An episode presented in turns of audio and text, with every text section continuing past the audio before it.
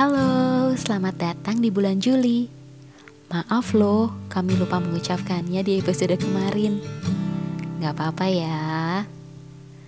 Nah, malam ini kami akan memulainya dengan sebuah pertanyaan. Kalian ingat gak sih teman pertama kalian itu siapa? Pasti anak-anak tetangga di sekitar rumah atau dari RW sebelah. Lalu jumlah mereka perlahan bertambah seiring usia yang menanjak dan masa memasuki bangku sekolah. Mulai dari TK, SD, SMP, SMA, sampai kuliah. Semua orang yang kita kenal dalam jangka waktu tertentu bisa menjadi teman, tapi belum tentu bisa jadi sahabat. Pernah kalian pikirin gak sih arti sahabat itu apa? Hmm, biar aku coba ilustrasikan, ucap Kathleen dengan penuh percaya diri. Kalau pasangan itu biasanya identik dengan tulang rusuk yang hilang, half of you. Sepasang sayap yang buat kalian terbang, matahari yang cuma jadi punya kalian, atau dia roti kalian selainnya. Whipped cream in your muffins. Ya, secara keseluruhan, pasangan kalian ya dia itu dunia kalian. Tapi kalau bicara soal sahabat, it ain't work that way. Coba aja bayangin sahabat kalian satu persatu. Mereka tuh kayak sepatu, jalan bareng-bareng sama kalian. Kalian gak mungkin sendirian, apalagi kesepian. Kalian lari, dia juga lari. Kalian berhenti, dia juga berhenti. Mereka juga bisa kalian sebut pelindung hujan, panas, berbatu, licin, apa pun itu, mereka selalu di sana, lindungin kalian dari semua itu, sekaligus juga ngerasain hal yang sama seperti yang kalian rasain. Kalau kalian jatuh, mereka akan bantu kalian berdiri. Kalian gak harus merasakan semuanya sendiri.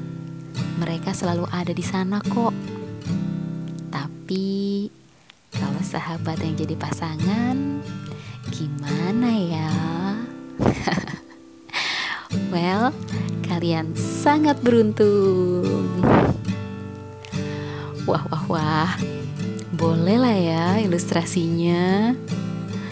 Um, kalau menurutmu bagaimana? Tanyaku pada biru.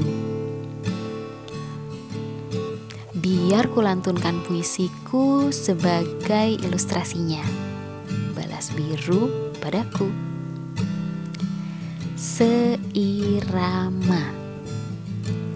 Terlepas dari cinta kepada si dia, kadang kita lupa pada satu sosok manusia yang mampu menerima saat kita kalah, lalu mengajak kita untuk tetap kuat hadapi dunia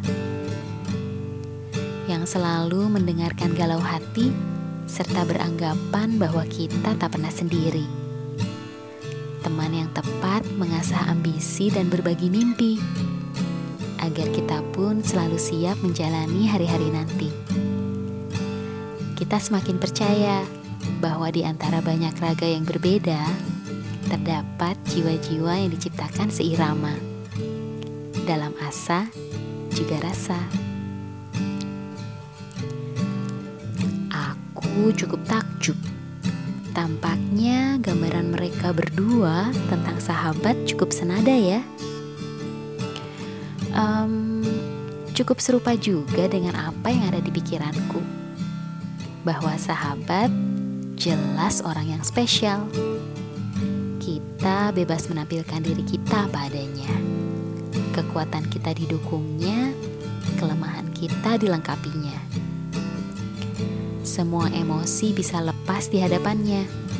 Bahagia, kecewa, sedih, ataupun marah. Dia akan ikut menangis, baik itu saat suka ataupun duka. jauh dekat, mereka selalu bisa diandalkan. Nah, kalian sendiri bagaimana? Apakah arti sahabat kalian serupa dengan kami? Good night.